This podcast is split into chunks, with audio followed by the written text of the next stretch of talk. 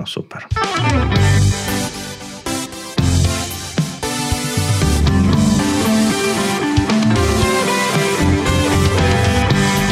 Dobry wieczór Państwu. Witam w 52 odcinku podcastu Kompot.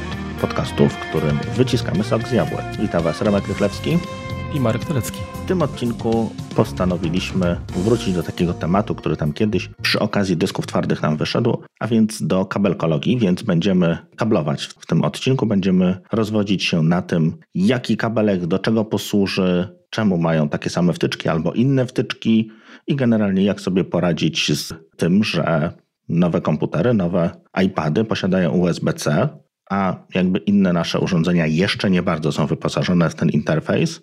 No i jak sobie, jak sobie z tym po prostu radzić, tak? Witamy w Dongle Town. Dokładnie tak, ale postanowiliśmy, że ponieważ temat jest bardzo obszerny, skupimy się przede wszystkim właśnie na, na, na kabelkach i adapterach no, zewnętrznych, tak? Czyli nie, nie będziemy skupiać się na nie wiem, taśmach sygnałowych, które znajdziecie po otwarciu komputera na przykład, tak? W środku. Znaczy, no pewnie gdzieś tam nie unikniemy jakby y, otarcia się o to, natomiast nie będziemy zagłębiać się akurat w tego typu detale. No tak, no bo część protokołów, które mamy wewnątrz, czyli na przykład PCI Express, no w pewnych zastosowaniach również wychodzi na zewnątrz, opakowane w Thunderbolt właściwie. Tam dużej różnicy jakby nie ma, jeśli chodzi o, o, o transmisję czy, czy dane, które się tam pojawiają. No SATA też ma swoją wersję eSATA, zresztą ze SCSI było podobnie, tak?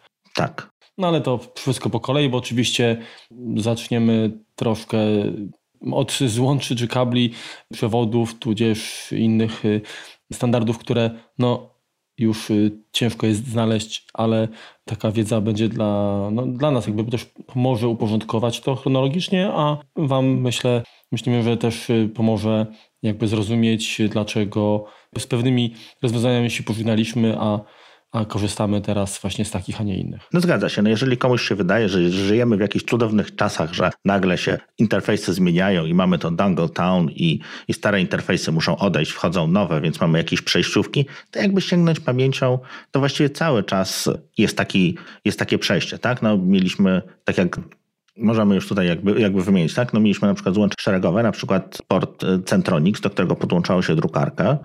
A poczekaj, poczekaj Remku, jeszcze tak ci przerwę, bo e, wydaje mi się, że warto było powiedzieć właściwie, po co te wszystkie zmiany zachodzą.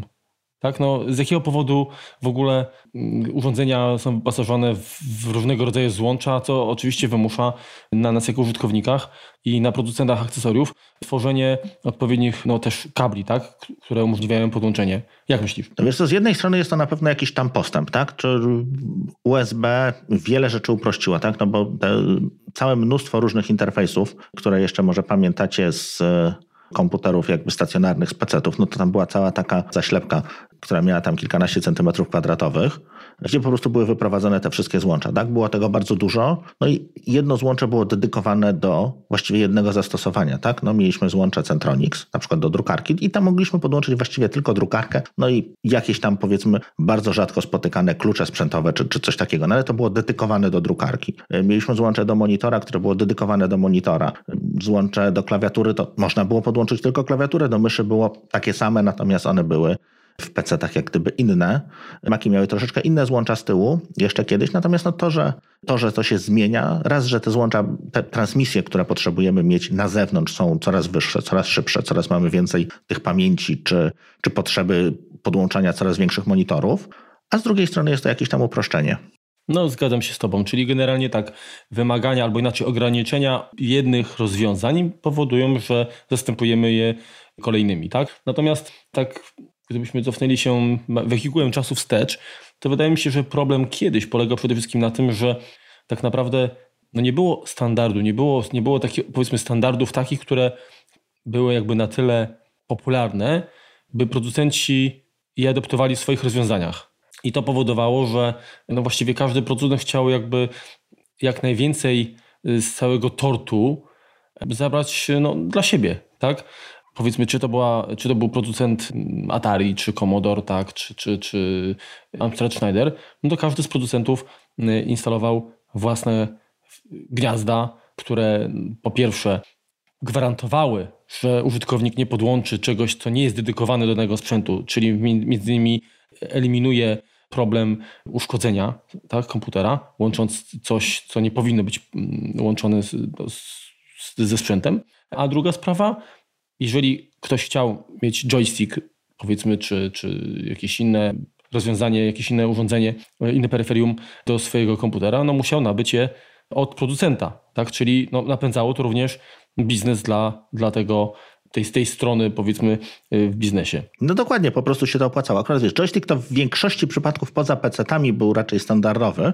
Właśnie niby tak, ale, ale złączę jednak joysticka czy gameport w PC-cie, a złączę joysticka na przykład w Amidze, no po pierwsze było Inne. inaczej wyglądało, tak. po drugie joysticki analogowe na przykład, które były popularne w PC-tach i które y, mhm. tą popularność dzięki symulatorom y, zyskały, one z tego co pamiętam to nie, nie działały przynajmniej niestandardowo nie działały y, właśnie w innych komputerach. No tak, no był jakby podział resta świata i PC, tak, jeśli chodzi o joysticki. Ale joystick od Atari mogłeś podłączyć do Commodore, Amigi, czy nie wiem jak było z Macami, nie miałem wtedy Maca.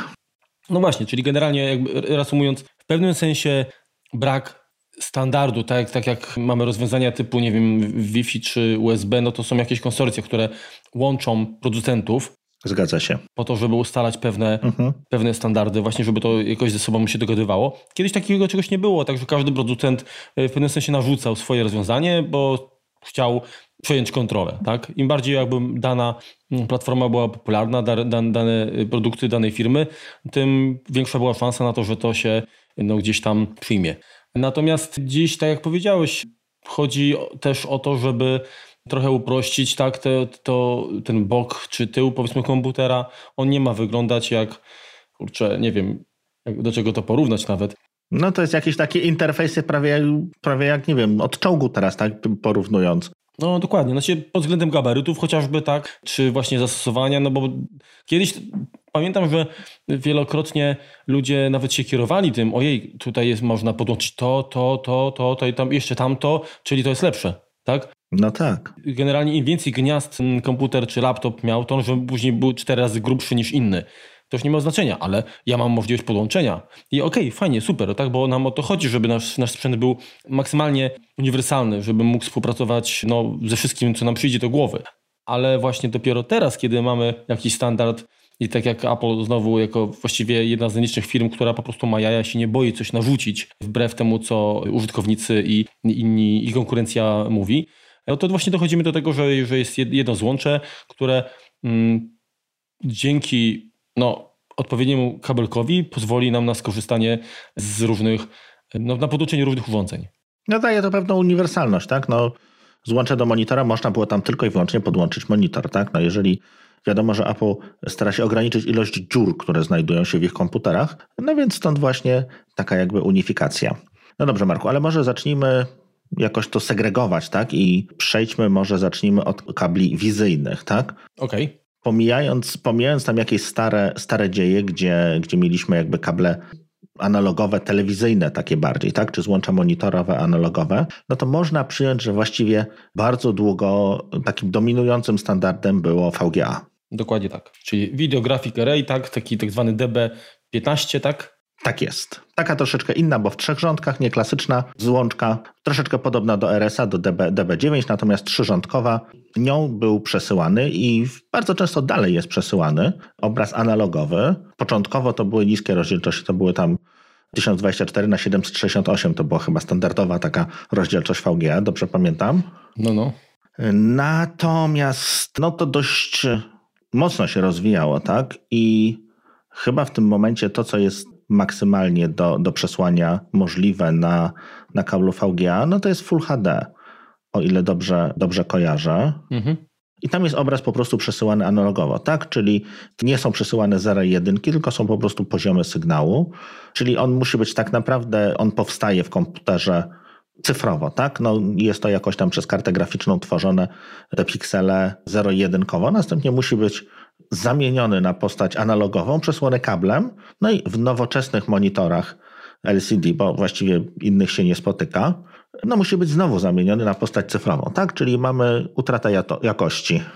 No, ma podwójną konwersję, tak, czyli dokładnie No, trzeba brać też pod uwagę, że w, w, momencie, gdy operujemy sygnałem analogowym, to jakość kabla, jego długość i ewentualne, nie wiem, ekranowanie na przykład, no również wpływa tak, na jakość obrazu. Zgadza się. Na dłuższym kablu mogą się pojawić duchy po jakieś tam odbicia, czy inne artefakty takie zupełnie analogowe, które po prostu utrudnią nam życie. No ale wiesz co, dalej jest to wbrew pozorom bardzo popularny kabel i podejrzewam, że połowa projektorów w klasach, czy, czy nawet gdzieś tam konferencyjnie spotykanych, niestety dalej mają złącze VGA. No, zgadza się. Zresztą pamiętam, że nawet jeszcze gdzieś mam chyba w szpargałach kabel taki, który miał z jednej strony złącze VGA, a z drugiej strony były wyprowadzone y, trzy albo cztery nawet końcówki BNC. Nie, wiesz co, ich tam było więcej. Chyba pięć nawet było.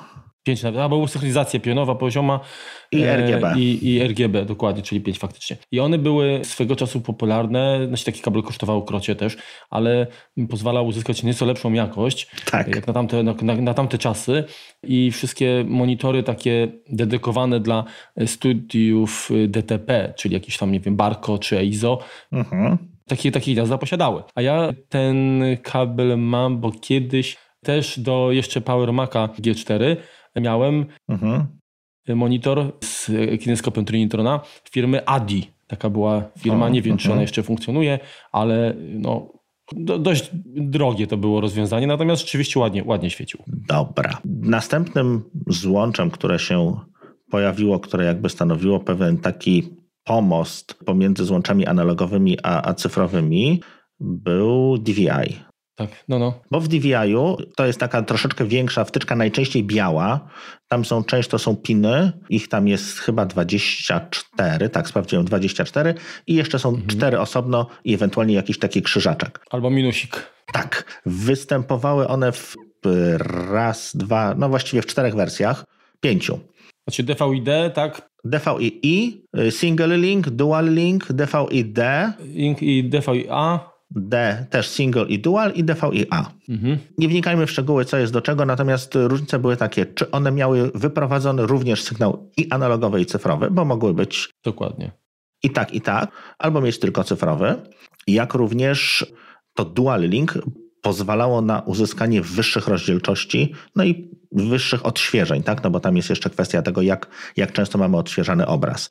Generalnie im więcej, tym lepiej. I tutaj maksymalnie, co się udało, udawało na takim kablu przesłać, oczywiście cyfrowo, to było 3840 na 2040 w 30 Hz.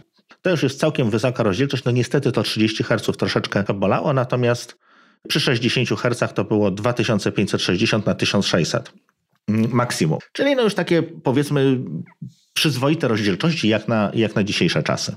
Następnie drogi tych interfejsów wideo troszeczkę się podzieliły, można powiedzieć, ponieważ dedykowane do komputerów były złącza jakby DisplayPort i częściej spotykany mini DisplayPort, który jeszcze mieliśmy w Macach. U Ciebie w Macu jest jeszcze mini DisplayPort, o ile dobrze pamiętam, w tym 2015 roku. To znaczy się, ja mam Thunderbolta 2, który jest zgodny z DisplayPortem, tak? Tak, zgadza się.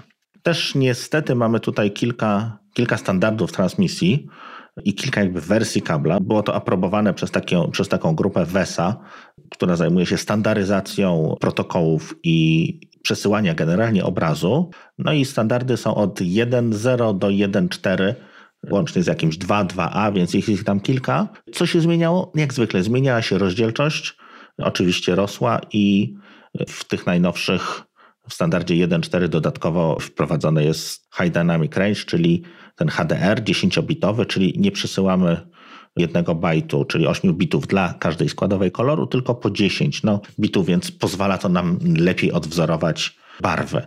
I tutaj górną granicą, którą jest ten DisplayPort 1.4 wspiera nawet 8K, czyli to jest 7680 na 4320 przy 60 Hz, więc to jest jakby tyle, co, co teraz da się kupić jako, jako jakiś tam telewizor czy, czy jakiś wyspecjalizowany monitor, więc no jest to bardzo dużo. Oczywiście starsze wersje tam miały ograniczenia, tam chyba 1.3, o ile dobrze kojarzę, y, wspierało 4K dopiero. Więc no, też jakby kupując monitor czy, czy nawet przejściówkę, musimy niestety doczytać w specyfikacji, którą wersję protokołu ona wspiera. Mhm. Trzeba też zwrócić uwagę na to, że DisplayPort był jednym z pierwszych, który oferował opcjonalnie przesyłanie poza obrazem również audio. Tak, widzisz, masz rację, to, to prawda. Bo wszystkie, wszystkie poprzednie skupiały się tylko i wyłącznie na, na wideo. Teraz tak, obok standardu DisplayPort częściej spotykanym w urządzeniach powiedzmy konsumenckim jest HDMI i ono występuje jakby w trzech rozmiarach wtyczki, która się nie różni specjalnie jeśli chodzi o sygnały. To jest HDMI, mini HDMI i mikro HDMI. Przy czym tak naprawdę te, te wersje małe są spotykane dość rzadko, no i są to najczęściej jakieś aparaty, czy, czy czasem jakieś jeszcze tam starsze telefony, bo teraz już jakby się od tego odchodzi z Androidem, no potrafiły mieć takie złącza. Mhm. Dokładnie, specjalny kabelek pozwalał tam wpiąć, to było właśnie MHDMI, tak, tak, coś takiego chyba, tak to się nazywało bodajże. Tak. Czy no. MHD, taki kabelek musiał być i można było podłączyć po prostu mhm. telefon z Androidem do no, telewizora, tak, LCD, który posiadało złącze HDMI, tak? Tak, dokładnie. No ale jeśli chodzi o HDMI, to też mamy też tam dużo różnych cyferek, wersji i tak dalej i, i tutaj też by warto się troszeczkę nad tym pochylić, żeby, żeby wam jakby wyjaśnić, co jest do czego i jak to, by, jak to można ugryźć.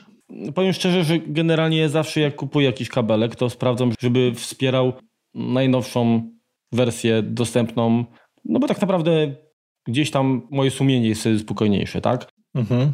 Nie spotkałem się, powiem szczerze, z sytuacją taką, żeby mieć jakiś, nie wiem, stary kabelek HDMI, próbować podłączyć i żeby coś tam nie zadziałało.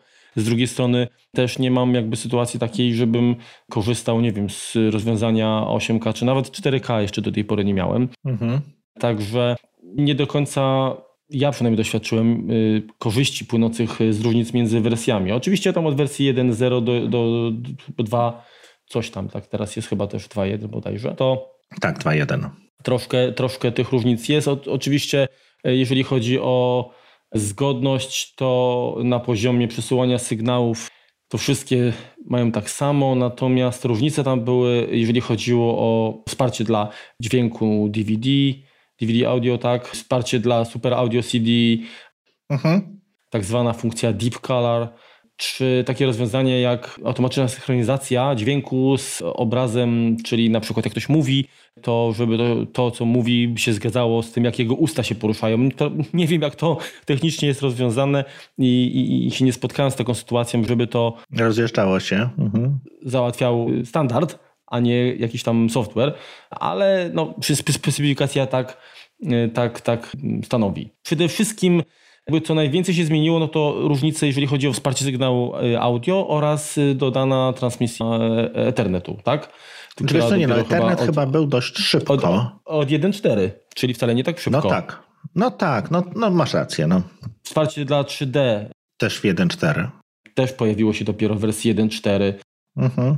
Także Powiedzmy te wszystkie perkali korale no, pojawiły się dopiero gdzieś tam od właśnie od, od wersji 1.4 i są, są teraz tam wspierane. Natomiast pod względem obrazu nie wiem, jak jest z rozdzielczościami. Nie wnikałem, powiedzmy. I, i, i... Wiesz co, to ja jeszcze mogę powiedzieć, tak troszeczkę upraszczając całą, całą kwestię, to te wersje do 1.2 obsługiwały Full HD przy 60 klatkach.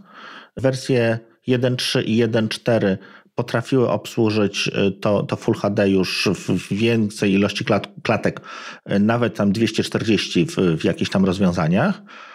Natomiast potrafiły również obsłużyć wyższe rozdzielczości, czyli to 1440p, czyli takie 4K y, ready, jak ja to nazywam, czyli takie już, już więcej, ale jeszcze nie, nie 4K jak również tam w 40, 4K w 30 klatkach obsługiwał kabel 1.4. Natomiast kable w wersji 2.0 i 2.0b to już jest 4K w pełnych 60 klatkach, jak również tam 5K w 30 klatkach. Natomiast wersja 2.1 obsługuje do 8K teoretycznie w 120 klatkach, natomiast y, no, nie ma chyba jeszcze takich ani kart graficznych, ani telewizorów czy, czy monitorów, które by coś takiego uciągnęły, więc to jest jakby teoretyczna prędkość na razie, przy czym takie no standardowe, no 60-30 jak najbardziej działają. Mhm. Ja myślę, że z punktu widzenia naszych słuchaczy i generalnie użytkownika to dużo większe znaczenie będzie miało to, czy dany kabel jest certyfikowany, wspiera technologię HDCP, tak? Czyli mhm. taki, nazwijmy to, nie wiem, DRM, tak? Do, do, tak. do wideo. Jak myślisz, która wersja była pierwsza? Czy, który standard tam, nie wiem, 1.2, 1.3, który to wprowadził? Wiesz to chyba dość szybko, z tego co kojarzę, ale mhm. kiedy to było wprowadzone?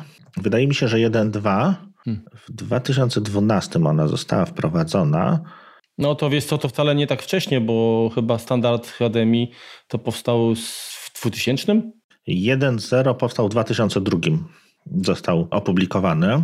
Mhm. No to, czyli powiedzmy można przyjąć, że dekadę później wprowadzono no to wiesz co, HDMI 2.0 obsługiwał zaraz. Znaczy wiesz co, wydaje mi się, że chyba już 1.4 czy 1.3 nawet, albo nawet 1.2 może wspierać ten, tę technologię.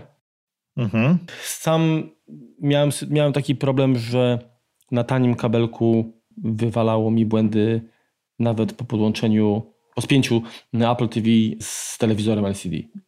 Mhm. Czasem się pojawiała taka wojna mrówek, prawdopodobnie na chwilkę, ewentualnie czarny ekran. To się, to się, to się niestety czasem spotyka.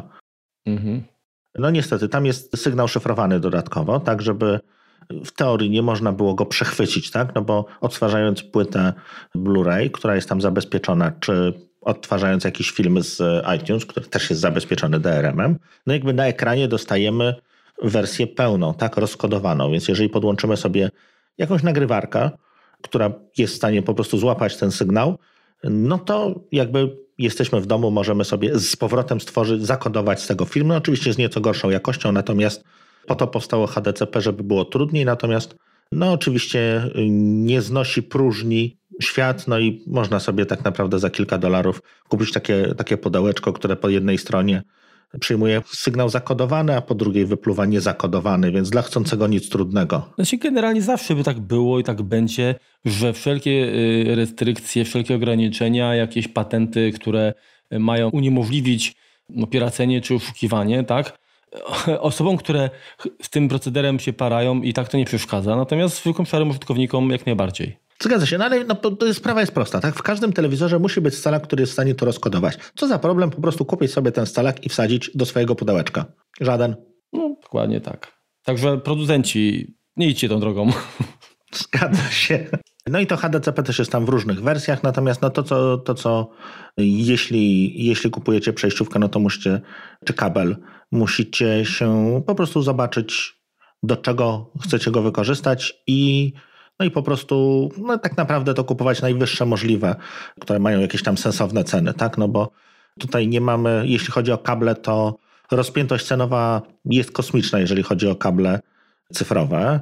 I totalną bójdą jest to, że kabel ze złotymi końcówkami, czy jakoś tam super fantastycznie gruby ekranowany 7 razy da lepszą jakość obrazu. No sygnał cyfrowy raczej takim gusłom się nie poddaje, tak? Zgadza się. Jedynka będzie jedynką, zero będzie zerem. Tak Co jest. Najwyżej możemy zapewnić mm, zagwarantować, że nie, złączeń właśnie ten nie pokryje się śniedzią, y, czy ten, ten styk będzie pewniejszy. Natomiast na nie wiem, szybkość transmisji, stabilność, no, jakość kolorów. No jakość to, kolorów, to nie, tak. To nie Głębie 3D nie wpływa. Znaczy tak, jedyne co, tak jak Marko mówiłeś, jeżeli mamy słabszy kabel lub bardziej tych kabli dużo obok siebie, tak, no często mamy jakieś tam, ja na przykład muszę się aktualnie posługiwać takim splitterem HDMI, który no, wprowadza dodatkowe jak gdyby zagłuszenie sygnału, osłabia troszeczkę ten sygnał, no to zdarza mi się bardzo rzadko, że po prostu po włączeniu Apple TV w pierwszych powiedzmy 10 minutach oglądania mam taki półsekundowy po prostu czarną klatkę, która się tam przez chwilę wyświetla. No i potem się jakby wszystko, wszystko wyprostowuje, natomiast no tak to niestety wygląda. Co jest lepsze, DisplayPort czy HDMI? Dajesz, dajesz. Teoretycznie DisplayPort, ponieważ no, przede wszystkim wtyczka HDMI no, nie jest przystosowana do tego, żeby była często wyjmowana, wkładana. No i jeżeli mamy jakiś komputer przenośny, no to, to często podłączamy i wyłączamy to i odłączamy. Wtyczka DisplayPort, szczególnie ta większa, która jest tam powiedzmy rzadziej spotykana, no jest po prostu lepiej mechanicznie zaprojektowana, mniej się wyrabia. Wtyczki HDMI wbrew pozorom są stosunkowo łamliwe I, i, I, już kilka takich miałem, i to jest bardzo przykra sprawa, jeżeli mamy podłączony projektor i, i mamy 10 metrów kabla, który jest gdzieś w ścianie, w listwie, który gdzieś nam wychodzi nam w podłodze i, i, i nagle urwie się któraś z wtyczek, znaczy no, ta, którą podłączamy do komputera. To jest naprawdę niefajna nie praca, bo trzeba to wszystko pruć, rozrywać, wymieniać. No, DisplayPort pozwala troszeczkę na więcej, tak? No, na te 8K, natomiast e, tak naprawdę co będziecie mieli w telewizorze, co będziecie mieli w monitorze, to, będzie, to wam zadziała, tak? No, jeśli chodzi o wspierane protokoły, no one to są tam w gruncie rzeczy podobne. Chyba, że się mylę, to mnie popraw.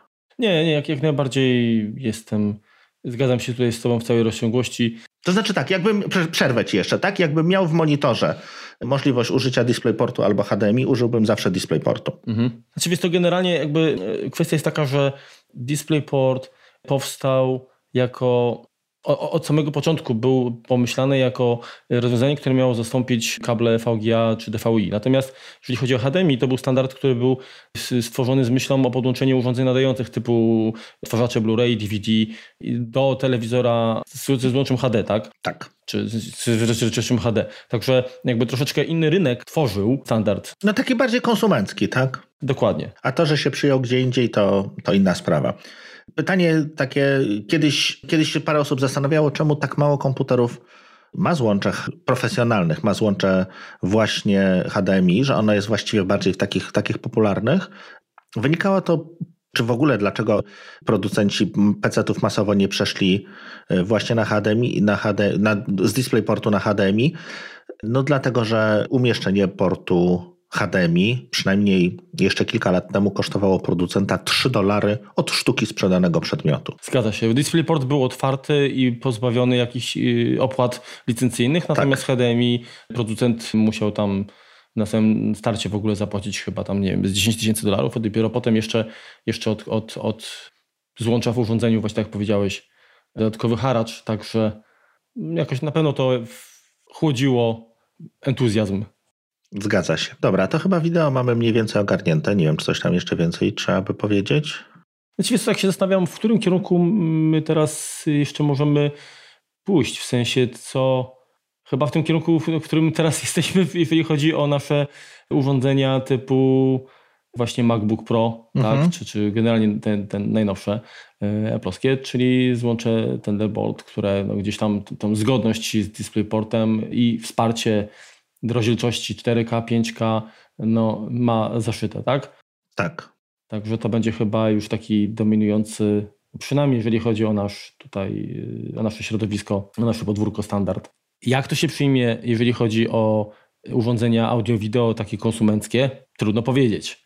Wiesz co, nie sądzę, żeby się to przyjęło. Raczej będziemy skazani na jakieś przejściówki. Mhm. Jednak, no bo Wiesz, no trudno, trudno zostawiać możliwość, wiesz, po stronie jakby producenta telewizora, tak? No mamy jedno złącze i co? No zrobimy, ktoś mi tam myszkę podłączy, to co, zacznie ją obsługiwać? Czy kartę sieciową? No to wiesz, po stronie producenta y, peryferiów takich, no tak jak właśnie telewizory, monitory, no to się robi problem, tak? No bo ktoś stwierdzi, że no dobra, mam takie złącze, no to na pewno to jest hub USB i podłączę sobie tam dysk czy pendrive'a. No tak generalnie wprowadzanie jakby w błąd, no bo nam się wydaje, że wygląda tak samo i, i, i, i że będzie działało to wszystko, co y, ma takie samo złącze po drugiej stronie, tak i podłączamy do innego urządzenia, a tu się okazuje, że jednak nie. Mm, także masz rację, pewnie jeżeli chodzi o, o urządzenia konsumenckie takie popularne, to tutaj dopóki ograniczenie jakichś standardów czy samego, samej wtyczki albo chciwość producentów nie spowoduje, że, że będą promować inne rozwiązanie, to to pewnie przy HDMI jeszcze przez jakiś czas zostaniemy. No, na pewno plus jest taki, jeżeli porównamy do, do tych wcześniejszych rozwiązań, to wsparcie rozdzielczości, odświeżania, dodatkowych funkcji wielokanałowego audio, 3D i, i tak dalej. Także tak naprawdę mamy pełny wachlarz sygnałów i jakby nie patrzeć, jednym kabelkiem to załatwiamy, tak? I ten kabelek tak naprawdę tutaj trzeba by chyba jakby dodać, że nie mamy bezpośrednio rozwiązania typu DVI i HDMI, prawda? Nie ma takiego kabelka. Trzeba zastosować adapterek. Tak. Ale wiesz, ten adapter jest na tyle mały, że on się może schować w wtyczce, więc jakby kabel fizycznie może istnieć. Mhm. Natomiast, no niby tak, ale, ale widziałeś taki? Tak. Okej, okay. no ja generalnie, jeżeli chodzi o podłączenie do MacBooka to i tak i tak korzystam najczęściej z, z rozwiązania albo Apple'owskich, albo jakichś takich firm certyfikowanych typu Canex i tak naprawdę stwierdziłem, że nie będę kupował adapterów do wszystkiego, tylko no do tego, co mam co, i co ewentualnie planuję podłączyć, czyli z tego złącza Thunderbolt mam przejściówkę tylko na VGA mhm. i, i na co? Na HDMI. Nie, HDMI mam wbudowane. Ja mam jeszcze tego A, MacBooka, który tak. ma HDMI, także na DVI, przepraszam. Mhm. Czyli mam, mam, dwie przejściówki na DVI i na, i na VGA, no plus Ethernet, tak? No jasne. W razie co. Także tak to wygląda, natomiast w większości przypadków, jeżeli będziecie szukać kabli, to będą to kable, które będą wspierały jakby dany standard, czyli to będzie HDMI, ale na przykład po jednej stronie może być typu A, a po drugiej stronie mini HDMI. Tak. Albo DVI i mini DVI. Także kable, jedna sprawa, no i adapterki w tym momencie druga sprawa. Czasami niestety będą te adapterki kosztowały. No jakieś konkretne pieniądze, no niestety. Bardzo nie, nie, nie, nieprzyjemne właśnie pieniążki i, i, i to może skutecznie nas zniechęcić. Czasami tańsze rozwiązanie będzie no, zupełnie... Wystarczające. Mm, wystarczające, dokładnie. No dobrze, to może przejdźmy jakby teraz płynnie jak już jesteśmy, bo część złączek się już pojawiła, to no najpopularniejszy chyba interfejs teraz komputerowy, czyli USB. I on tak naprawdę historycznie może zacznijmy, zastąpił całą masę różnych złączek, które, które mieliśmy z tyłu PC-ów. Są to właśnie. Z... I Maców. I Maców, tak. Jakby nie patrzeć, Bondi Blue był pierwszym komputerem, tak? Tak. Który tak właściwie spopularyzował y, USB, tak? Tak, i dodatkowo pozbawił się, poz, wyciął flopa, tak? Więc to było dodatkowo dwie rzeczy. Jakby zginęły, tak? No, mhm. Nie można było podłączyć drukarki, nie było gdzie włożyć dyskietki, taki w ogóle komputer z kosmosu, tak? Jak na tamte czasy. No więc tak, drukarkę podłączaliśmy do osobnego portu, myszkę podłączaliśmy do. To różnie było tak naprawdę. W PC-tach y, królowały już pod, pod koniec życia złącza PS2. Były dwa, do jednego można było podłączyć klawiaturę, do drugiego myszkę. Nie można było tego zamienić, bo nie działało, ale na szczęście kabelki i złącza miały swoje kolorki, były zielone i fioletowe. W ogóle te kolory tam, to, to, była jakaś taka mania, no bo z racji tego, że mhm część wtyczek, no ludzie przy użyciu siły są w stanie jakby wepchnąć wtyczkę VGA odwrotnie, tak? Natomiast y, podłączyć różne rzeczy do, do, do nie swoich złączy, no to one tam fajne były kolorowe. Mm, tak ja bym jeszcze tylko tutaj wtrącił, że te złącze PS2, które mówisz, tak, dla, mhm. dla, dla myszki, dla klawiatury, one rzeczywiście wyglądały identycznie i kolor był jedyną, jedynym elementem odróżniającym. Tak. Co nie zmienia faktu, że na Macu były złącze RS232, mhm. które wyglądały bardzo bliźniaczo. Podobnie wyglądało złącze SVHS. I teraz posiadając y, tak. niewłaściwe kabelki, można było, na, na, naprawdę z użyciem niewielkiej siły można było sprawić, że, że to się spięło, ale nie działało. Trochę nie chciało działać, tak? No i ta wtyczka nie zawsze miała tyle samo pinów przed włożeniem, co po włożeniu. Tak, także czy S-Video, czy RS232, czy PS2 E, jak sobie popatrzycie, to średnica, mm, bo to były takie okrągłe wtyczki, tak, czy mhm. gazda była identyczna, natomiast rozstaw pinów się nieznacznie, ale jednak różnił, tak, i ilość. Tak. Ich ilość, także. No jeszcze w Macach były złącza ADB wcześniej do klawiatury. Mhm, dokładnie tak. Ale to już... Tak, ADB wyglądało praktycznie jak z wideo. A, to było właśnie to, no dobrze. Mhm. No to tak, przejdźmy do USB. USB mamy całe masy, całe masę tak naprawdę standardów. Cała rzesza. Tak, jest to, jest to rzesza. No przede wszystkim tak, no, wszystkie znane przez, znane wszystkim USB typ A, czyli taka duża złączka, którą zawsze musimy władać do komputera trzy razy, ponieważ dopiero za trzecim razem pasuje. Bo, ponieważ zawsze się ją wkłada odwrotnie, potem sprawdza, e, to może jednak było w tamtą stronę, nie, jednak w tą pierwotną było dobrze. I no tak jak, tak jak mówiłeś, ona się pierwszy raz e, w tym Bandai Blue Macu pojawiła mm, i oryginalnie e, to było całkiem wolne złącze, no bo one przede wszystkim zostało wprowadzone w 1996 roku, czyli jeszcze w zeszłym tysiącleciu, no i ono tak naprawdę w tej podstawowej prędkości to obsługiwało 1,5 megabita. No, co do podłączenia jakiejś drukarki, skanera, myszki, klawiatury jest jak najbardziej wystarczające, natomiast Szybko pojawi, pojawiła się USB 1.1.1, no to już jakieś tam pendrive'y można było w miarę sensownie przy pojemnościach, które wtedy były dostępne, zapisywać. Pojawiły się niestety bardzo szybko wersje mini i mikro tychże złączy. Oprócz tego, wracając, jeszcze tak, złącze USB miało jakby zawsze dwie wtyczki, męską i żeńską.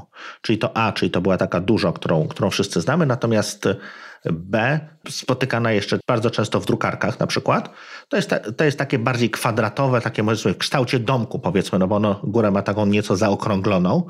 Mhm. Znaczy kwadrat to jest kwadrat, który ma dwa narowniki ścięte. No tak. Mi to przypomina domek. Następnie te wersje złącza, bo to było złącze B, powstały jakby jej mniejsze odpowiedniki mini, które na przykład e, chyba jeszcze w aparatach cyfrowych było popularne. Było wykorzystywane dość, dość długo. Kamerki jakieś takie czasem jeszcze, jeszcze się na tym spotyka. No i później mikro, które jest jak gdyby jeszcze mniejsze, tak? No i to wszystko były USB 1.0 i, i 2.0, tak? To były na tej samej wtyczce mieliśmy te same, te same złącza. USB 2.0 w 2001 roku wprowadzone. Zmieniało tylko i wyłącznie prędkość, czyli to było do 60 megabitów na sekundę. 2.0, 480 megabitów, tak? Mhm. Czyli 60 megabajtów. Tak. Mhm. W teorii oczywiście, bo, bo praktycznie to no z racji tego, że to jest transmisja pakietowa, więc tam są dodatkowo jakiś narzut na ten pakiet, tak? No jest troszeczkę tam jest tak jak w sieci Ethernet, tak? Czyli... Ale wiesz co, ja tam nie, po więcej niż 30, tam nie wiem, 1, 35, może w porywach, to na USB 2.0 nigdy mi się nie udało uzyskać. Jak, jakiekolwiek miałem szybkie urządzenie i jak drogi był kontroler, który, który tam no, był wykorzystany. No to jest, zgadza się, no jest to tam teoretyczna prędkość. No i w 2011 roku pojawiło się USB 3.0 zwane Super Speed i tam doszły do niego dodatkowe piny. Jeśli chodzi o złącza A, no to one po prostu bardzo często były niebieskie, żeby ułatwić ludziom, ludziom życie. Natomiast one zupełnie zgodne były z z poprzednimi standardami, czyli można było po prostu podłączyć stare urządzenie do nowego złącza i nowe urządzenie do starego złącza i ono w teorii powinno się przełączyć po prostu na wolniejszą pracę. Mhm. I zazwyczaj to działało. No, podejrzewam, że jeżeli mamy jakiś, nie wiem, screen grabber czy coś, co potrzebuje dużej transmisji, no to po prostu nie wydoli i zacznie się krztusić. Natomiast z założenia, jakiś tam dysk twardy, pendrive czy coś takiego, nawet jeżeli będziemy mieli USB 3.0 i podłączymy go do złącza USB 2.0 czy nawet 1.0, to on po prostu powinien, powinien zadziałać. Tak woli ścisłości to USB 3.0 miało już 5 gigabitów y, na sekundę, tak? Miało 625 megabajtów na sekundę. 3.0? Tak. Niemożliwe. No tak mam w Wikipedii napisane. Oj, coś mi tu nie gra. Dobrze, 5 gigabitów na sekundę. A ja w gigabajtach podawałem. Dobrze, to się zgadza, przez 8. A, no, no, no, no okej, okay, dobra. Megabajtach. Full speed to było 12 megabitów na sekundę, potem high speed, czyli 2.0 to jest 480 megabitów na sekundę, no i tak jak mówisz, 3.0 to jest 5 gigabitów na sekundę. Mhm. I potem pojawiło się jeszcze 3.1, tak? Tak, w dwóch wersjach. Zwane super speed. Tak. Tak? I 3, znaczy tak, to już jeszcze o 3.0. Tam złącze B się zmieniło, bo tam ten domek dostał dobudówkę na górze. Natomiast y, mini też się zdarza jeszcze gdzieś tam złącze takie znaleźć. Ono tam też miało więcej pinów, natomiast ono już jest niewspierane przez standard. Deprecated jest jego, jego kształt. Natomiast to mikro dostało obok takiego, obok takiego mniejszego braciszka.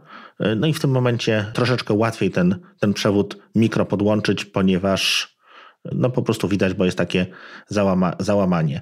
Czyli to, też to mikro jest zgodne i, i, i zwykły B Y, też jest zgodny w dół, czyli możemy stary kabel po prostu podłączyć, w tym mikro to po prostu część gniazdka zostaje wolna. Dokładnie, zresztą tak, jeszcze tak, taką rzecz bym tutaj chciał dodać, że generalnie USB to jest, to jest złącze, jakby standard, który wspiera transmisję szeregową, tak? Mhm. Natomiast kiedyś było tak, że były pewne urządzenia, które się podłączały właśnie do portu szeregowego i były urządzenia, które się podłączały do portu równoległego, tak? czyli drukarki na części właśnie były do, do złącza równoległego, zwanego Centronix albo LPT, tak? Mhm. Natomiast urządzenia typu, czy to jakieś nie wiem, joysticki chyba, czy myszy, tak? Czy drukarki fiskalne chociażby, korzystały z, z portu szeregowego, prawda? Tak. I USB spowodowało, że większość peryferiów zaczęła korzystać z tego jednego standardu. Było to o tyle też dobre, że sama konstrukcja złącza okazała się dużo trwalsza, dużo lepsza. Tak? Nie było pinów, które łatwo było jednak wygiąć, wyłamać. Zgadza się. Natomiast pozostał cały czas problem kluczowania, tak? czyli że ta wtyczka ona mogła być włożona tylko i wyłącznie jakby y, w jednym kierunku, w jedną stronę. W jedną stronę, tak. No to rozwiązało USB-C, które tak naprawdę mylnie jest przez wiele osób traktowane jako następcą USB. Nie, to jest po prostu inny rodzaj złącza, tak naprawdę. Więc tak jak mieliśmy wcześniej typ A, typ B, no to jest typ C, trzeci rodzaj złącza, które jest takie samo w urządzeniu master i slave, czyli w komputerze i w dysku twardym, czy w komputerze, pendrive, czy, czy innym tym. Nie ma problemów takich, że jeżeli w tym momencie chcemy, nie wiem, podłączyć do telefonu komórkowego raz, podłączamy go do komputera, czyli w tym momencie to urządzenie, komputer jest jakby urządzeniem nadrzędnym, a telefon jest pełni rolę storage'u, czy, czy za, jest zarządzany przez komputer, to jeżeli chcieliśmy podłączyć do telefonu, nie wiem, jakiegoś tam z Androidem powiedzmy, który posiadał złącze mikro USB, no to musieliśmy użyć specjalnego kabla, żeby on stał się hostem. Czyli żebyśmy podłączyli do niego pendrive'a, no to nie wystarczyło, żeby ten pendrive po prostu miał właściwą złączkę, tylko musiał być jeszcze właściwy tryb pracy w złączu ustalony. No co było troszeczkę bezsensowne, dlatego powstało złącze C, które jest symetryczne, czyli taki sam kabel mamy na wejściu i na wyjściu, możemy go podłączyć w jedną i w drugą stronę, działa tak samo. Nie ma po prostu wtyczki męskiej i żeńskiej, jak gdyby. Teraz tak, dokończmy jeszcze kwestię USB 3.0.3.1. Więc tak, 3.0 powstało w 2008 roku, no i to było 5 gigabitów. 3.1 w 2013 i żeby było śmieszniej, ono występuje w dwóch generacjach. W generacji pierwszej niczym się nie różni, jeśli chodzi o prędkość od 3.0, żeby było zabawniej. I dopiero ta generacja druga wprowadza 10 gigabitów na sekundę. Następnie w kolejnym, kolejną generacją jest USB 3.2 i przyznam się szczerze, nigdzie nie widziałem tego złącza wykorzystanego w przyrodzie. Ono występuje chyba tylko na papierze.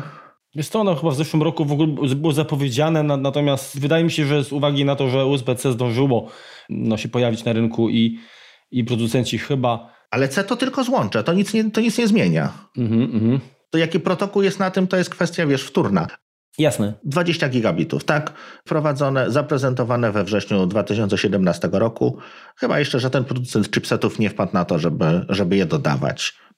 Albo stwierdzili, że no i tak, i tak to 10 gigabitów, no to trzeba mieć całkiem szybki dysk SSD, żeby to wysycić, więc na razie jakby nie ma potrzeby, żeby podłączać, żeby to wykorzystywać. Teraz tak, jeśli chodzi o USB, mamy całą masę metod przesyłania przez nie energii. I tutaj niestety, niestety musimy się troszeczkę do tego zagłębić, ponieważ standardowo USB potrafiło dać 5 V, tak? Zawsze. No i tam się troszeczkę zmieniały kwestie ile amperów, tak?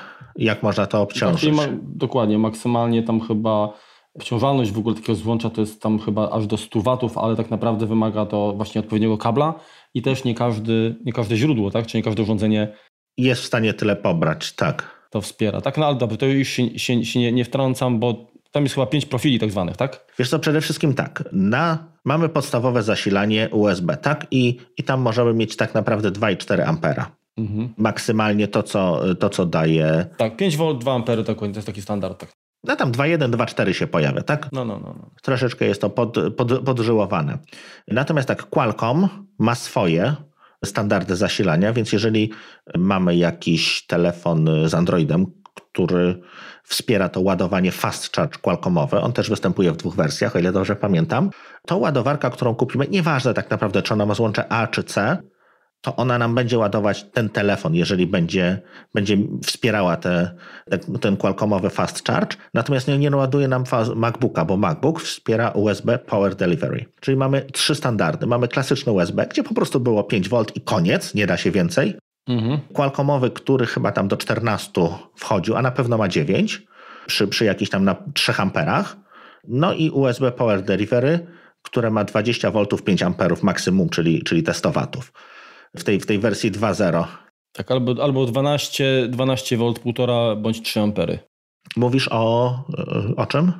Mm, no, w, w profilach y, od, od, profilu drugiego do drugi, trzeci, czwarty, piąty mhm. Y, albo masz, masz 5 V 2 A, albo 12 V 1,5 A, 12 V 3 A, bądź 12 V 5 A. No to są jakby górne, górne te granice. Mhm, mhm, dokładnie. Tam się pojawiają jeszcze, niektórzy producenci mają swoje, swoje, wiesz co, ostatnio było na Grubera. On sprawdzał, on sprawdzał właśnie ostatnie ładowarki Apple'owe Dokładnie. I teraz tak, USB PD w takiej starej 20-watowej, 20-watowym zasilaczu, który był do MacBooka, MacBooka, MacBooka, tego One czy Adorable dodawany, 29-watowy, to jest 14,5 V, 2 ampery, łatwo policzyć, 29 watów. Mhm. Lub podawał 5 V, 5,2 V, 2,4 ampery, czyli tam 12,48 W. Przy czym tej, tego zasilacza już nie kupicie bezpośrednio od Apple. Jest nowy 30W, który daje 20 V 1,5 ampera, czyli też czyli 30 W, 15 V 2 ampery 30 W, 9 V 3 ampery 27 W lub 5 V 3 ampery 15 W. Czyli jest bardziej uniwersalny, no bo 29 jak gdyby doszło do, do standardu zasilania, które, które jest w stanie wygenerować. Nowa ładowarka iPadowa działa 9,5 V, tak jak, tak jak tam mm, sprawdzałem i tak jak jest to opisane. Ta 45W czy 60W Apple'owa czy 87W, chyba takie są. 60 już nie ma, jest 45 chyba i 87. No to one po prostu wspierają, czy dają po prostu więcej amper na tych, na tych zasilaniach. Natomiast no też tutaj nie ma reguły, tak? No niestety kupując ładowarkę, nie wiem, jakiegoś Ankera, która jest uniwersalna do wszystkiego, niekoniecznie będzie chciała wam ładować MacBooka. Tak samo jest z powerbankiem. Musi po prostu wspierać zarówno ten Qualcomm Quick Charge, jak i USB PD. Więc tutaj się niestety też robi troszeczkę bałagan. No i dodatkowo nie każdy kabel jest w stanie przesłać tyle energii. Tutaj jest dodatkowy problem z kabelkologią. Ach, ja bym dodał, że problem pojawia się jeszcze, jeżeli będziecie wykorzystywać koncentratory, tak? czyli jakieś huby USB, bo jeżeli one będą y, pasywne, nieaktywne, no to wiadomo, że może to, to również wpłynąć na to, czy urządzenie, które wepniemy do takiego rozgałęźnika, czy ono będzie zasilane, czy będzie w ogóle działać, tak? No tak, znaczy no przez hub USB no podłączone jakby wyższe napięcie, to po prostu możemy przyjąć, że nie przejdzie. Tak? Są niektóre przejściówki do, do komputerów, czy takie jak na, na, nie wiem, na VGA, czy na HDMI, czy, czy takie wszystko mające, które mają port Ethernet, y, dwa porty USB i, i do tego jeszcze HDMI, to one też czasami mają złącze takie, żeby wpiąć tam zasilanie, natomiast one bardzo często mają blokadę na 60 W, więcej nie przejdzie. Sporo kabli też, takich zwykłych, przesyła maksymalnie 60 W. Jeżeli chcemy przesłać więcej, to, no to niestety musimy się zaopatrzyć w inny kabelek. Teraz tak, czy my o złączach USB-C i innych takich powiedzieliśmy wszystko, Marku? Możemy przejść do kabelkologii, myślisz? Mm, no, kontynuujmy. Jak, jak, coś, jak coś wyjdzie, no to, to najwyżej po prostu przeskoczymy, ale, ale moim zdaniem chyba najważniejsze rzeczy tak, no generalnie no, przybliżyliśmy standardy, prędkości, różnice. Wiesz to dobrze, to teraz to na chwileczkę z, zejdźmy troszeczkę, może przejdźmy, zróbmy krok w bok i opowiedzmy o Thunderbolcie. Wiesz to, poczekaj. Mhm. To już Thunderbolt to jest, to jest po pierwsze no fakt, że to jest dla nas ważniejsze, bo to jest standard, który mm, jakby nie patrzeć jest również spopularyzowany był przez Apple. Natomiast myślę, że trzeba wspomnieć też o standardach, które też Apple bardzo mocno promowało, a które w środowisku, u konkurencji nie, nie przyjęły się. Natomiast y, nadal można kupić, czyli chodzi mi o Firewire, tak? O, o rozwiązania, które wspierają Firewire. No dobrze, to poopowiadaj. Tych standardów było też kilka. Ja osobiście korzystałem z Firewire 400, czyli 400 megabitów mhm. i Firewire 800. Zgadza się. Czyli Mm, no, jakby dwukrotnie szybsze. W porównaniu do USB, bo y, FireWire było standardem mm, opisywanym jako, jako, jako rozwiązanie profesjonalne. Czyli mniej więcej można było powiedzieć, że FireWire a USB to, to, to było takie porównanie jak SCSI a IDE, tak? No tak, albo DisplayPort i HDMI. Czy Albo dokładnie. Co, co dawało zastosowanie FireWire? Mm, to, że y, kontrolery wspierające transmisję mm, danych w tym standardzie mhm. same nadzorowały transmisję bez pomocy procesora, czyli kopiując na przykład dane na dysk FireWire, y, komputer nadal można było wykorzystywać do innej pracy. Natomiast przy USB no, zdarzało się, że jeżeli no to była słabsza maszyna, no to, to, dokładnie, to wtedy już nawet myszka miała problem, żeby się przemieścić z jednego rogu ekranu w drugi. Także rozwiązanie FireWire, one oczywiście były, były droższe, ale gwarantowały większą przepustowość. Co prawda niby USB 2.0 w teorii miało 480 megabitów na sekundę, a FireWire 400, no 400, tak? Ale było szybsze.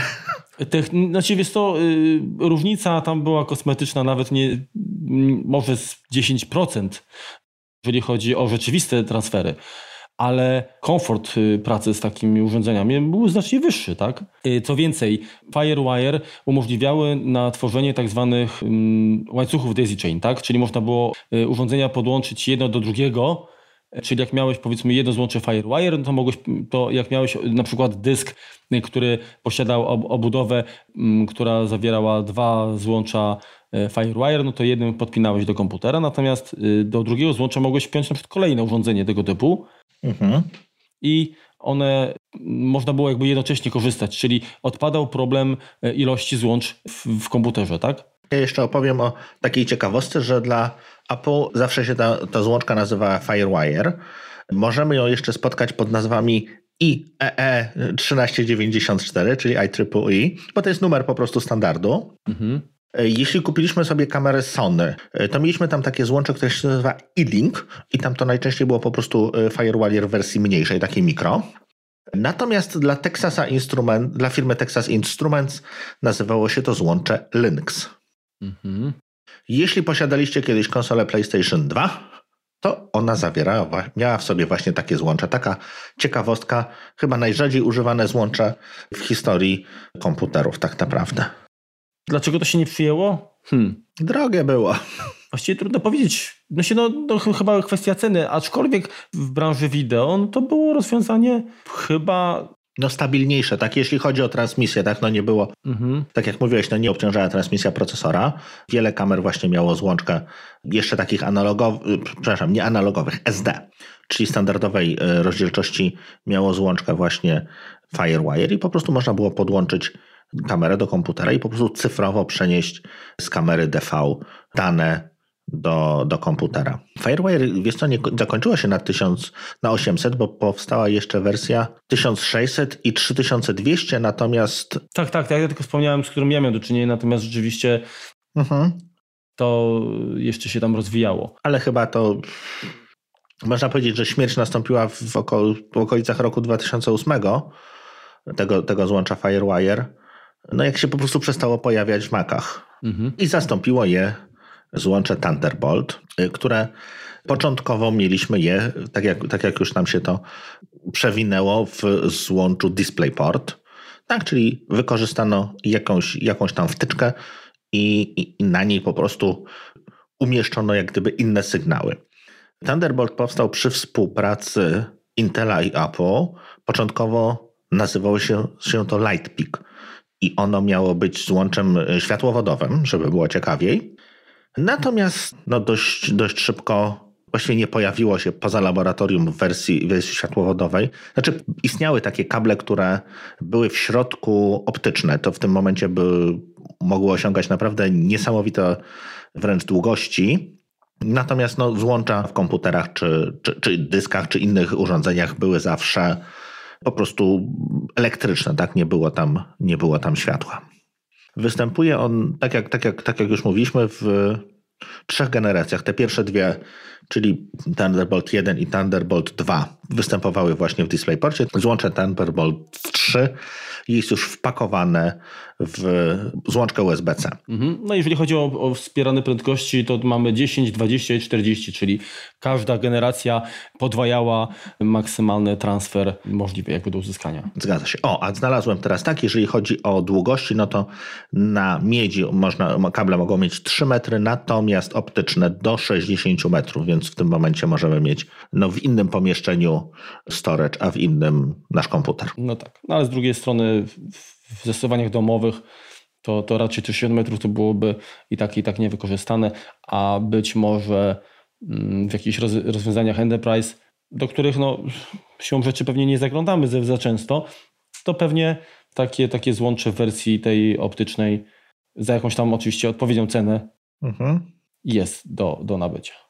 Zgadza się. No i w Thunderbolcie mamy tak naprawdę PCI Express opakowany Czyli to jest wy, to, to, co mówiliśmy, wyciągnięcie tej szyny, w której są te peryferia komputerowe w środku, w środku wpięte, jak nie wiem, karta graficzna, czy, czy szybkie dyski twarde, czy jakieś szybkie karty sieciowe.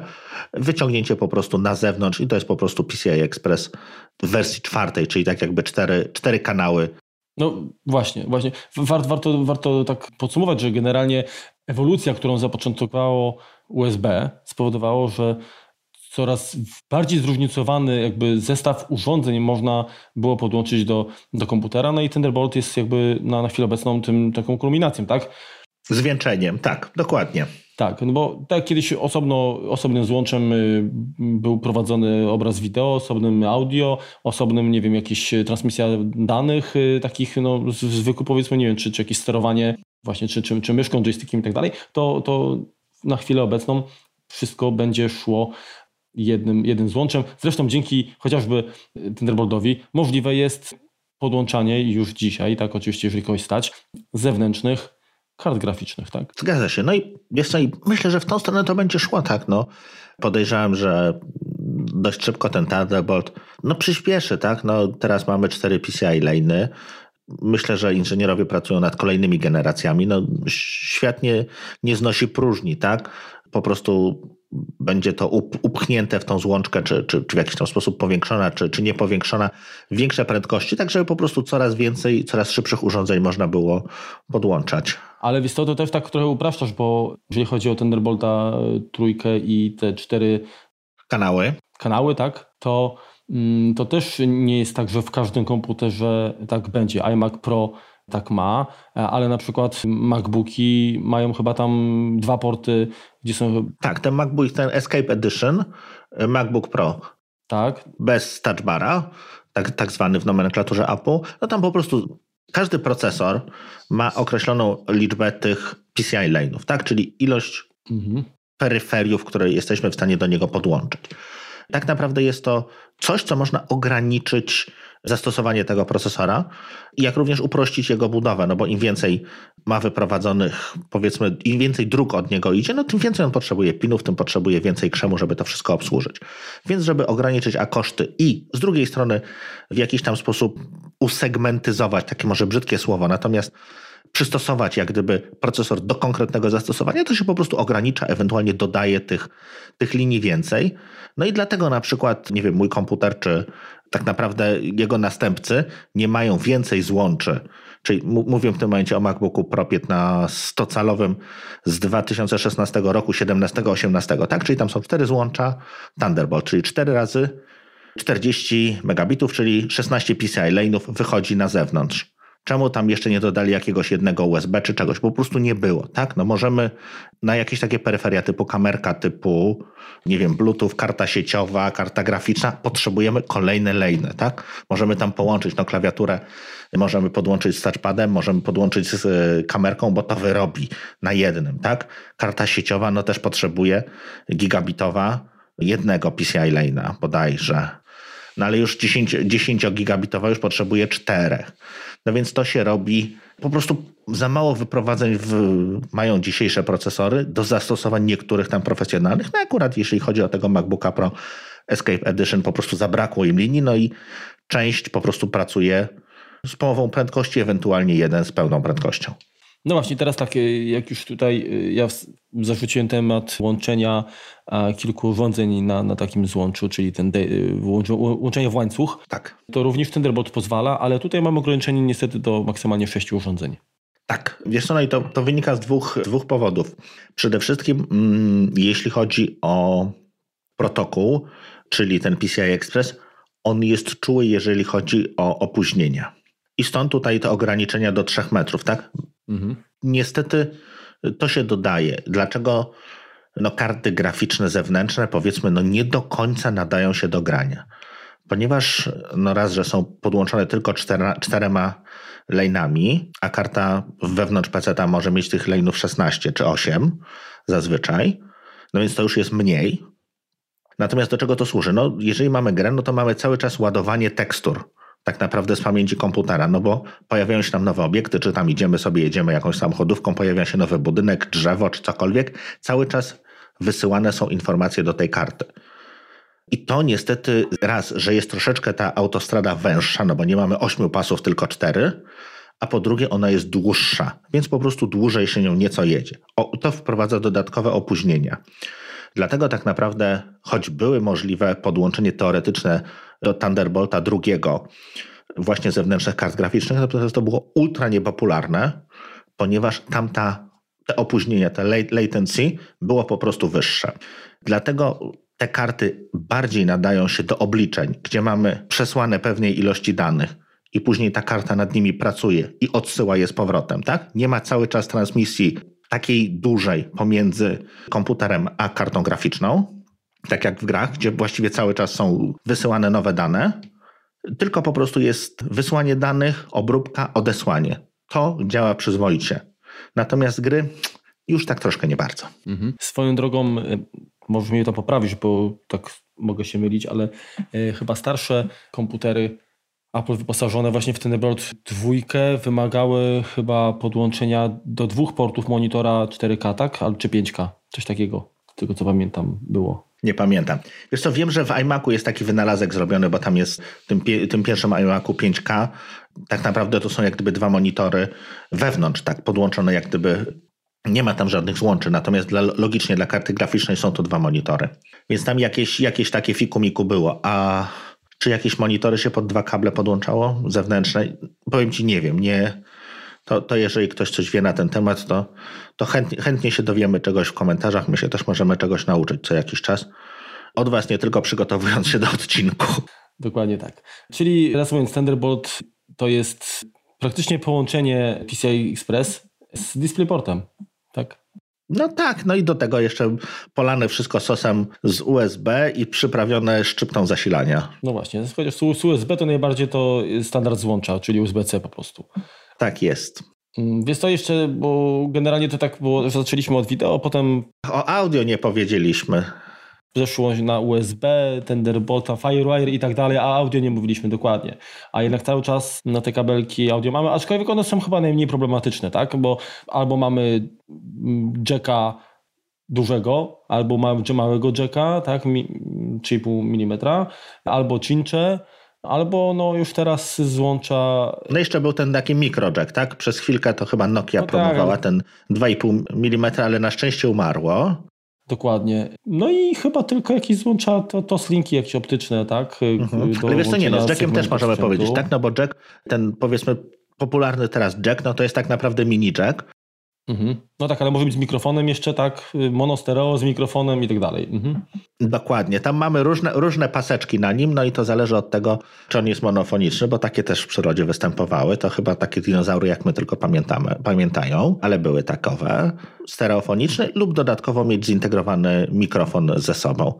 I żeby było niestety smutno, to jeżeli ten mikrofon ma dodatkowo jakieś klawisze sterowania, tak jak mamy w słuchawkach iPhone'owych, mhm. no to one niestety nie działają z Androidem i to kupując sobie słuchaweczki na kablu musimy zwrócić uwagę, że one są zgodne z e, iPhone'em, bo po prostu nie będzie nam działało sterowanie głośnością. To jest, to jest niestety smutne, że tutaj się nie dogadali, a to, to właściwie no, takie y, inne, inne po prostu zwierają, bo to, to guziki działają na zasadzie zwierania którychś jakichś tam kanałów, więc, więc tu, tutaj nie jest to ze sobą niestety zgodne. Ale tak, jeśli chodzi o złącze analogowe, to dodatkowo w części Maców, u Ciebie na przykład jeszcze jest coś takiego, to złącze jacka jest hybrydowe. W sensie e, analogowe i cyfrowe, tak. Tak, istnieje tam e, również coś takiego, co się nazywa mini toslink, czyli powiedzmy na końcu tego gniazdka, tam gdzie już nie sięga bolec, jest malutka dioda laserowa i jest możliwość przez, specjalną, przez specjalny kabel. Mini toslink do toslinka podłączenie się do, do źródła cyfrowego. Z dźwiękiem i, i to jest bardzo fajne co jeszcze stare Airport Expressy coś takiego też miały. Tak, dokładnie. I, i, i Apple TV. Generacji trzeciej. Tak. Bo, bo już nowsze niestety tego nie mają. Co to daje? Daje to to, że dźwięk, który generuje nasz komputer w tej postaci, której jest cyfrowej, tak? Czyli on skompresowany albo właściwie nie skompresowany, bo to PCM-em głównie leci, czyli nieskompresowany dźwięk w jakiś tam stworzony w komputerze, no nie, ten przetwornik nie jest w samym komputerze, gdzie no, jeśli chodzi o zaszumienie, no to tam procesor sobie lubi troszeczkę posiać, jeśli chodzi o częstotliwości. Tam się różne rzeczy mogą pojawiać. No nie jest to najczystsze na świecie miejsce do tego, żeby zamieniać sygnał cyfrowy na analogowy, więc możemy przesłać ten, ten obraz, ten dźwięk w wersji cyfrowej do urządzenia, do wzmacniacza i dopiero tam w sterylnych warunkach zostanie przetworzony na sygnał analogowy i tak przesłany do, do głośnika. Tak? Nie mamy analogu, który gdzieś tam biega po jakimś kablu, który będzie tam sobie zbierał jakieś zakłócenia dodatkowo, więc jest to czystsze, elegantsze rozwiązanie, natomiast e, no niestety powoli się z tego Apple wycofuje. No właśnie. Mhm. Więc jeżeli chcemy przesłać z nowszych komputerów dźwięk cyfrowo, no to musimy po prostu wyciągnąć go e, z HDMI, co jest też możliwe, bo w HDMI ten sam dźwięk przesyłany jest w postaci, też w postaci cyfrowej, e, tylko po prostu po kablu miedzianym. Jak również taki kabelek miedziany kiedyś można było też, też spotkać i to się nazywało SPDIF. To jest to samo, tak, tylko na miedzi, niż y, tutaj jest tylko inne, inne medium.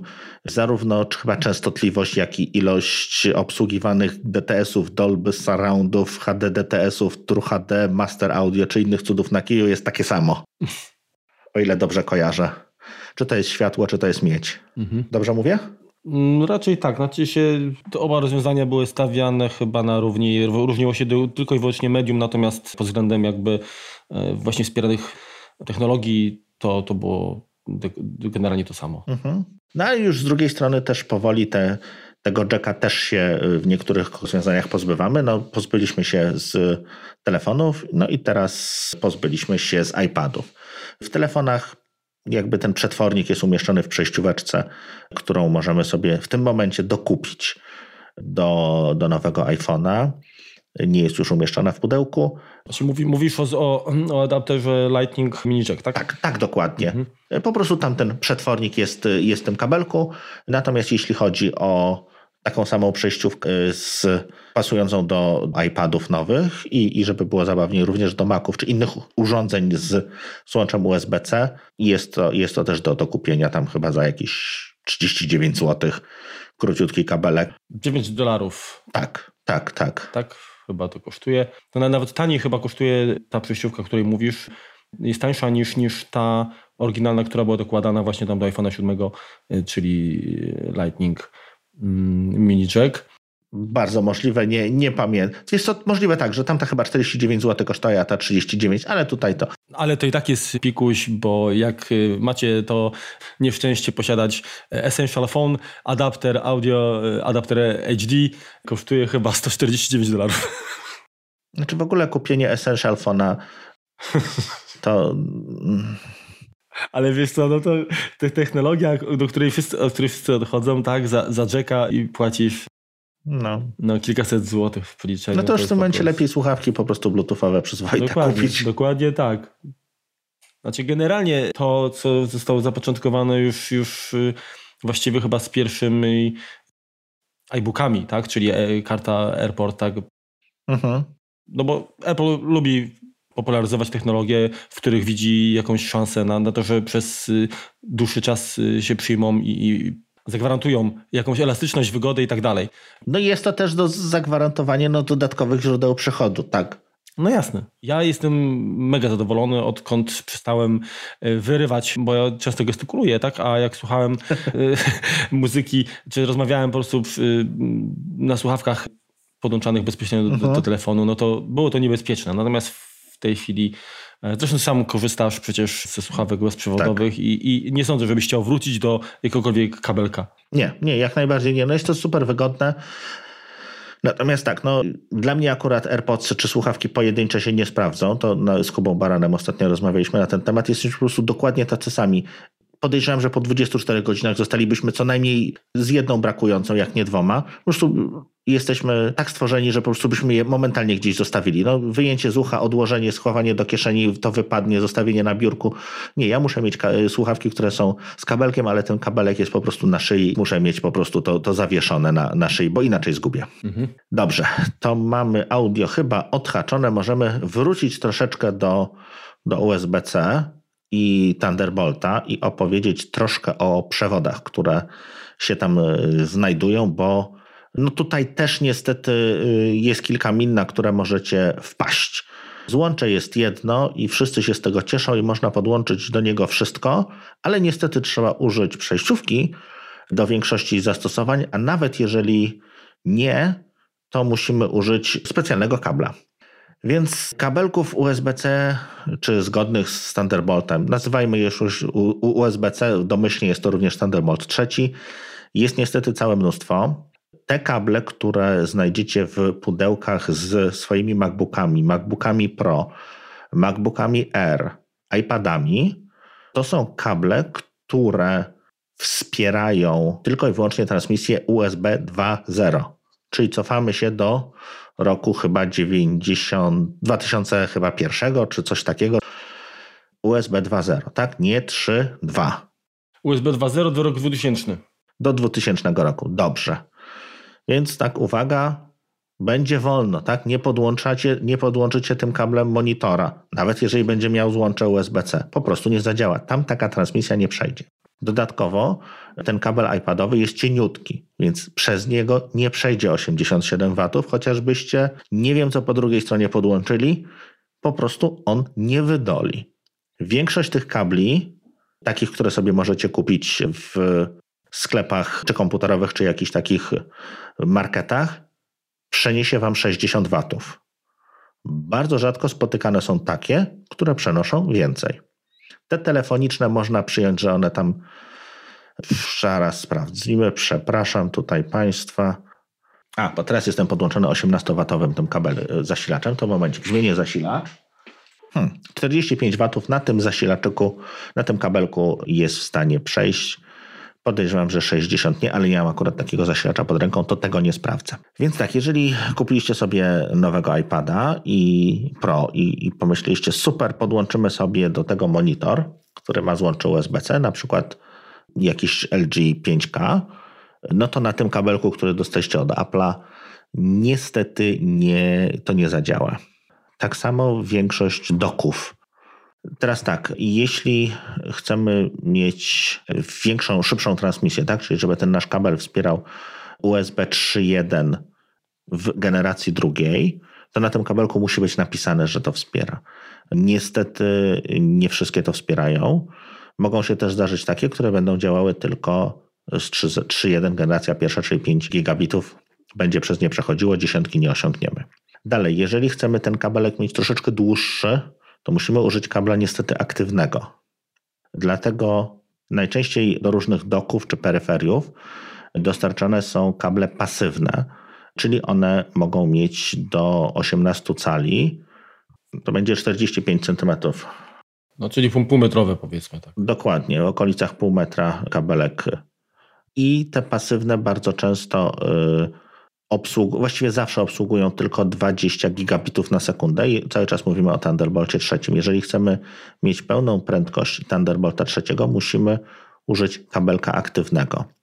Niestety, jeśli chcemy mieć kabel do wszystkiego, tak naprawdę, to jedynym, który ja znam, to jest taki metrowy kabel Apple y, Thunderbolt, który wspiera zarówno USB w dowolnej prędkości, DisplayPort w dowolnej, pręd, dowolnej jak gdyby y, tam 5K przez niego przeleci, zasilanie 100 watów, jak również transmisję Thunderbolt z pełną prędkością 40 gigabitów na sekundę.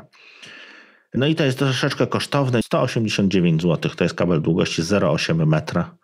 I podejrzewam, że jeżeli chcecie mieć święty spokój, no to się warto w taki zaopatrzyć i, i, i te urządzenia szybsze po prostu no czymś takim podłączać. No. Znaczy, no to bardziej, że to jest, sam wiesz, że to jest trwały, dobrze wykonany, dobrze ekranowany kabel, który... No troszeczkę grubszy, tak, no si siłą rzeczy. Natomiast no jest krótki, tak, no jeżeli, jeżeli będziemy chcieli go używać do zasilania, no to ten zasilacz musimy mieć troszeczkę bliżej. Mhm. O, ten DisplayPort jest w standardzie HBR3, cokolwiek by to miało znaczyć y, dla tego kabla. No, wiesz co, no, ja bym jeszcze dodał tutaj, bo właściwie tylko liznęliśmy kwestię samego złącza Lightning, tak, które no, jest taką fanaberią, y, która pojawiła się w iPhone'ie i no, to, było, to było pierwsze złącze, bo tak złącze doka, które y, y, posiadały telefony od pierwszego iPhone'a do 4S, 30-binowe. Mhm. Ono było dość takie jakby to powiedzieć, wrażliwe, takie, takie no bardzo fragile takie, nie? Bo mhm. łatwo było je uszkodzić, no i oczywiście było też kluczowane, czyli nie można było wtyczki włożyć i, i, tylko, tylko, tylko w, jednym, w jednym kierunku. Natomiast Lightning rozwiązywało ten problem. No ale wiesz co, jeszcze na obronę tylko powiem, że no to złącze dość długo z nami było. iPod trzeciej generacji wprowadził go, więc no to było naprawdę bardzo dawno temu. I od tego czasu tam się zmieniło tylko to, że on na początku obsługiwał bardziej, bardziej Firewire było w, wciśnięte jak gdyby w tą wtyczkę, znaczy obsługiwały transmisję Firewire, natomiast USB było jakby później, później chyba weszło dopiero w czwartym, o ile dobrze kojarzę, ale tutaj, tutaj to już odsyłamy do, do, tych, do osób, które zajmują się iPodami. Jakby nie patrzeć, przez, przez wiele lat powstało sporo różnych akcesoriów, które można było podłączyć właśnie tam, czy, czy do iPoda, to może nie, nie, nie, pamiętam, nie, nie wnikam, bo sam nie podłączałem właściwie poza ładowarką do, do, do swojego iPoda niczego. Natomiast do iPhone'ów to rzeczywiście były, było, było sporo różnego rodzaju nie wiem, transmitterów, jakichś tam innych rzeczy, które się wpinało w, do złącze doka. Mhm. Natomiast ja, z, znaczy tak, samo Apple myślę, że wprowadziło Lightning po to, żeby zyskać miejsce cenne, tak, bo samo złącze tak, było duże. uprościć sobie życie. Tak, a druga sprawa, no ten aspekt, że tak naprawdę Lightning, tak samo jak USB-C, jako że możesz włożyć w obie strony. Niezależnie od, od, tak, w obie strony, no to jest, jest, to, jest to wygoda dla użytkownika, tak, nawet nie wiem, po ciemku po prostu możesz wiem, wymacać, włożyć i, mhm. i wtedy wiesz że, to za, wiesz, wiesz, że to zadziała. Także spodziewam się, że rzeczywiście w kolejnych, może nie w następnie, ale, ale, ale wkrótce, y, tak jak teraz mhm. nowy iPad Pro już ma złącze USB-C, to tak prawdopodobnie będzie stanie się również z nowymi mm, iPhone'ami. Czyli Lightning pewnie pożegnamy. Wiesz co, z jednej strony bym chciał, z drugiej strony Apple lubi mieć kontrolę nad tym, kogo wpuszcza do swojej piaskownicy jakby USB-C było jest takim jakby troszeczkę otwarciem się, tak? No tutaj nie, nie mamy opłat licencyjnych. To nie wiem, czy chyba ten program MiFi, czyli Approved for, for iPhone czy, czy, czy iPod wcześniej było. Manufacturer for iPhone, iPad. E, no ale to nic nie przeszkodzi, złącze może być to samo, a i tak i tak mogą mnie wymagać jakiegoś chipa, jakiegoś układu, który gdzieś to będzie certyfikował, tak? Po drodze. No, teoretycznie tak. Teoretycznie możesz mieć rację, no nie wiem jak wtedy z, ze zgodnością, natomiast no... Znaczy, a, a jakie w ogóle przejściówki czy, czy kable znasz, jeżeli chodzi o Lightning? No bo tak naprawdę ja znam tylko USB-A Lightning, mhm. tak, czyli to jest standardowy, no i chyba USB-C dla Lightning, który jest do kupienia. I kurczę, to jest w sumie trochę, trochę fopa, że nie ma takiego kabla w zestawie, no bo jeżeli kupujesz kurczę nowego MacBooka, kupujesz nowego iPhone'a, i nie masz jak połączyć tych dwóch rzeczy bez dodatkowego jakiegoś adaptera, tak? No, zgadza się. Wiesz to nie, no to są tak, no adapter jest do VGA, adapter jest do HDMI, adapter jest do starego doka. Z takich rzeczy, co, y, co mogę wymienić dość szybko, jest jeszcze. Ad... Aha, no tak, no to faktycznie. Jest jeszcze adapter. Czy do, do, do, kart, do kart SD, tak? Do kart SD, dokładnie. Mhm. Do USB wersji 2.0 i do USB wersji 3.0. Więc tych adapterków troszkę jest. No, są to jakby, wiesz, no, dodatkowa kasa dla, dla producenta. Jeżeli ktoś potrzebuje podłączyć sobie iPhone'a pod telewizor, no to musi wybulić. No. Jeżeli będzie to USB-C, no to weźmie przejściówkę pierwszą lepszą chińską, czy tam jakiegoś habika, tak? Wiesz co, ale z drugiej strony nie ma lepszej przejściówki umożliwiającej podłączenie iPhone'a czy iPada do telewizora jak Apple TV. No, zgadza się. Zrobisz to bezprzewodowo. Działa to, jak masz oczywiście w miarę dobrze skonfigurowaną sieć bezprzewodową w domu, która no, śmiga, no to tak naprawdę ja nie widzę problemu. Tak u, u mnie tak to działało i nigdy mi nie zawiodło. Mhm.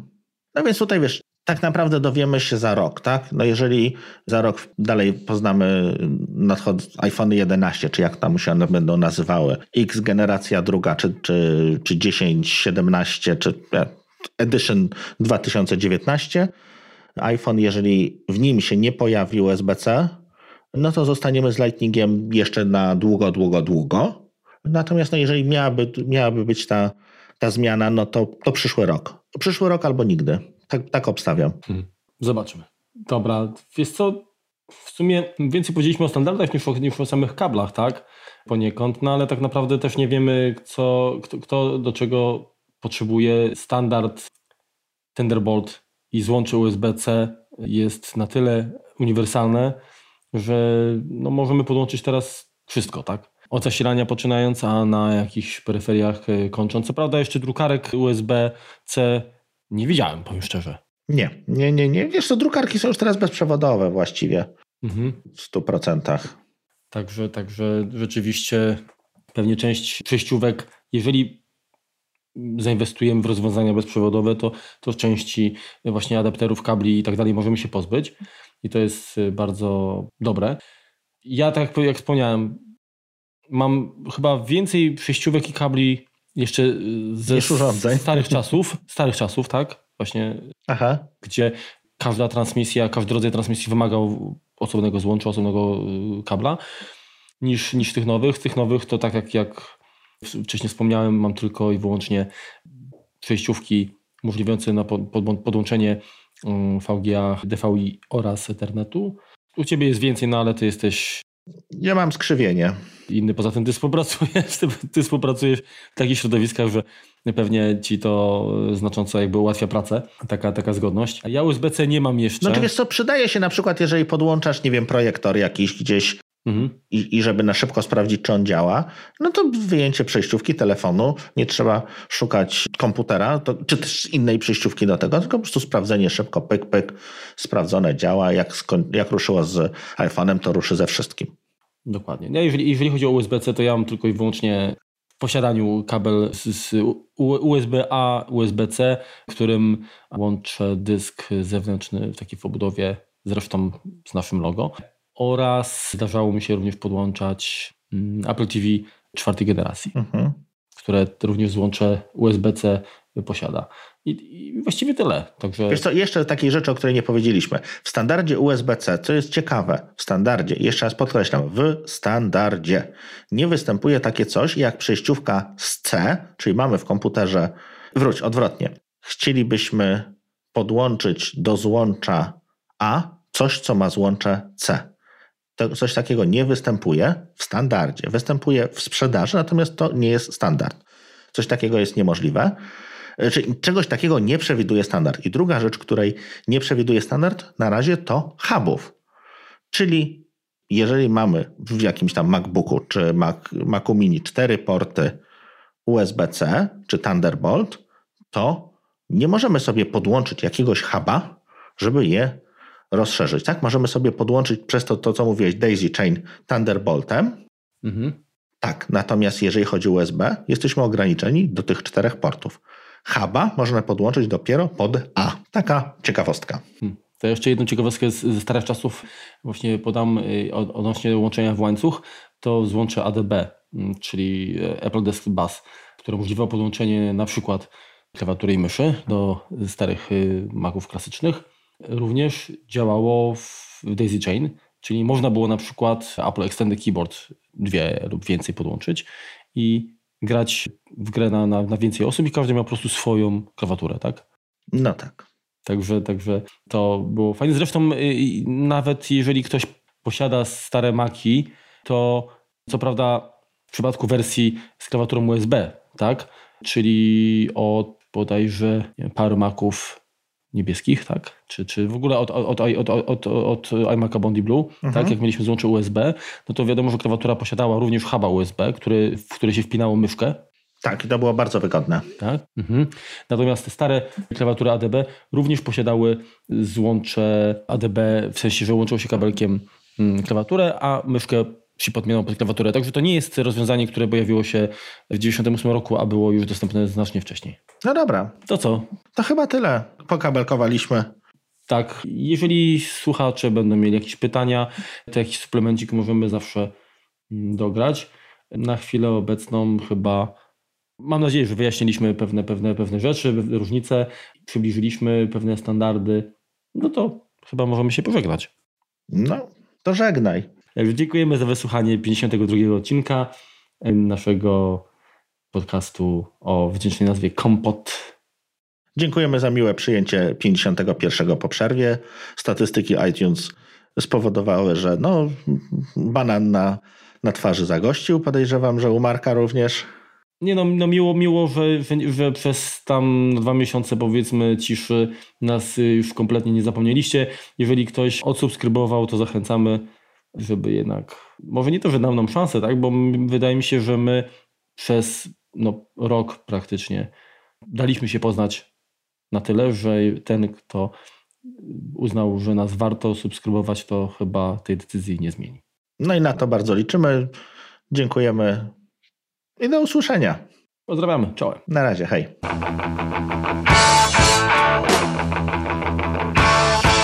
No jestem, rozłączyło w ogóle. Pokazuje mi, że jestem w Niemczech. A jestem w Gdańsku. No nie jest dobrze. Dobra, jeszcze raz zerwie i się poddajemy. Poczekaj chwilkę, wiesz to ja się przyłączę na iPhone'a, może to z mojej strony coś zrywa, dobra? Nie, to jest u mnie. U mnie wyświetla Poor Connection, czyli to jest moja, moja wina. Halo, halo, halo? No jestem. No, jak teraz? Też mam Poor Connection cały czas, to jest u mnie. Halo? Mnie inaczej słuchać? Ale gorzej czy lepiej? Czy, czy bo w sumie powiem Ci szczerze, że nawet nie słyszałem. Już jestem, przepraszam, miałem telefon. Także... Nie wiem, czy, czy do, do, dociera? Czekaj, czekaj. Jeszcze muszę tutaj światło ratować. Pogadasz troszkę o tym? Mm, to znaczy, wiesz co, no... Znaczy tak gene, gene... Tak, mówię cała rzesza. Nie można było włożyć... Już, dobrze. Megabitów czy megabajtów? Przepraszam, jeszcze raz. Y, Złocze, mówisz o, o, o standardzie... Daisy Chain USB był możliwy? Tak, tak, tak. Y, nie? Nie, przez huba musiało być podłączone. A, wiesz to masz rację, że jeżeli chodzi o USB, to y, to łączenie w łańcuch tylko dzięki, dzięki koncentratorom, czyli dzięki hubom było możliwe. Powoli kończymy, Marku. Marek mi właśnie napisał, idę siusiu gadaj. A potem nie będzie wiedział, o czym gadam. Haha, haha. Ha. Jesteś? A jeszcze cię nie ma. Dobrze. Człap, człap, człap, człap, człap, człap. Jesteś? Jestem, jestem. Sorry. No, spoko. Kurde, myślałem, że nie skończę. To jest chyba dowód na to, że, że z prostatą wszystko w porządku. No. No i chyba tyle.